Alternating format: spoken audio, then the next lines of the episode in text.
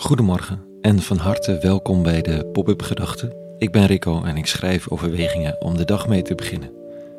Vandaag met de titel Dienst Paspoort. Pop-up Gedachten donderdag 14 december 2023.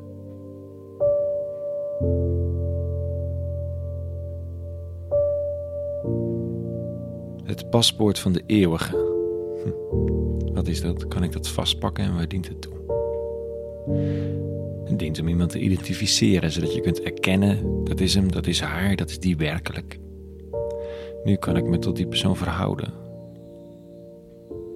Gisteren deelde ik de dichters Mary Oliver's idee over het goddelijke paspoort en hoe dat eruit zag. Dat klonk zo. Waarom blijven mensen vragen naar Gods identiteitspapieren? Terwijl het duister dat zich opent naar de ochtend meer dan genoeg is. Denk aan de koningin van Shema als ze aankomt in het koninkrijk van Salomo. Denk je dat zij iemand moest vragen: Is dit waar ik moest zijn?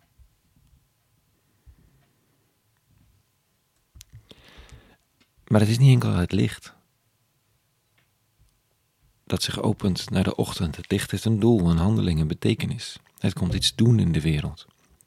En aangezien volgens de christelijke traditie Gods handelen om participatie vraagt, om meedoen, is het gelijk een uitnodiging aan jou en mij. Een vraag om precies te doen met die ochtend, met dat licht, wat je in je draagt. De eeuwige brengt leven, dat is het idee. En dat leven is dan weer levengevend bedoeld. Jezaja schrijft dit vanochtend. Op kale gronden doe ik rivieren ontspringen en bronnen in rotskloven. Van de woestijn maak ik een waterland, van dorstige bodem een bronnengebied. In de woestijn laat ik ceders groeien, acacia's en myrten en oleasters. In het dorre land zet ik cipressen neer en essen en palmen, en menigte bomen. Dan zullen zij zien en erkennen, volledig verstaan en begrijpen dat de hand van de eeuwige dat gedaan heeft en dat Israëls heilige dat heeft geschapen. Hm. Jezaja legt de behoefte aan identificatie van de eeuwige bloot, zichtbaar aanwezig zijn. Niet alleen met het paspoort van de ochtend van het licht, maar met het brengen van leven op dorre plaatsen. Met water waar geen water is, met bomen in woestijnen, waar mensen en dier kan rusten in de schaduw en eten van vruchten. Dat is goddelijk werk. Dus als de wereld woestijnig voelt en het leven dor en droog, als bommen complete stadswijken terugbombarderen naar onleefbaarheid, dan is het goddelijk werk om leven te brengen. Nieuw water, nieuwe bomen.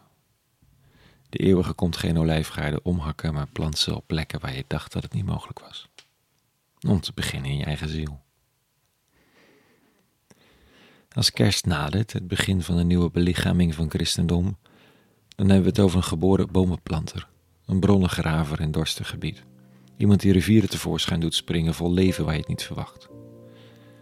Dat zien, daarop hopen, daar onderdeel van zijn, in participeren, daar zit de uitnodiging. De inburgeringscursus en het naturalisatieproces van het goddelijke land, dat beetje hemel, dat verspreid en verbrokkeld over heel de aarde aanwezig is.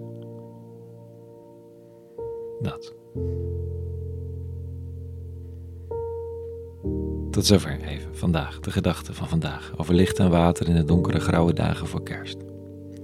En in dit alles, of je dat nu mee kunt maken of niet, of je er een beeld bij kunt vormen hier, of alleen maar chagrijnig van wordt omdat er geen boom wil groeien en zeker geen water voorhanden lijkt te zijn. Of als dat er juist in overvloed is.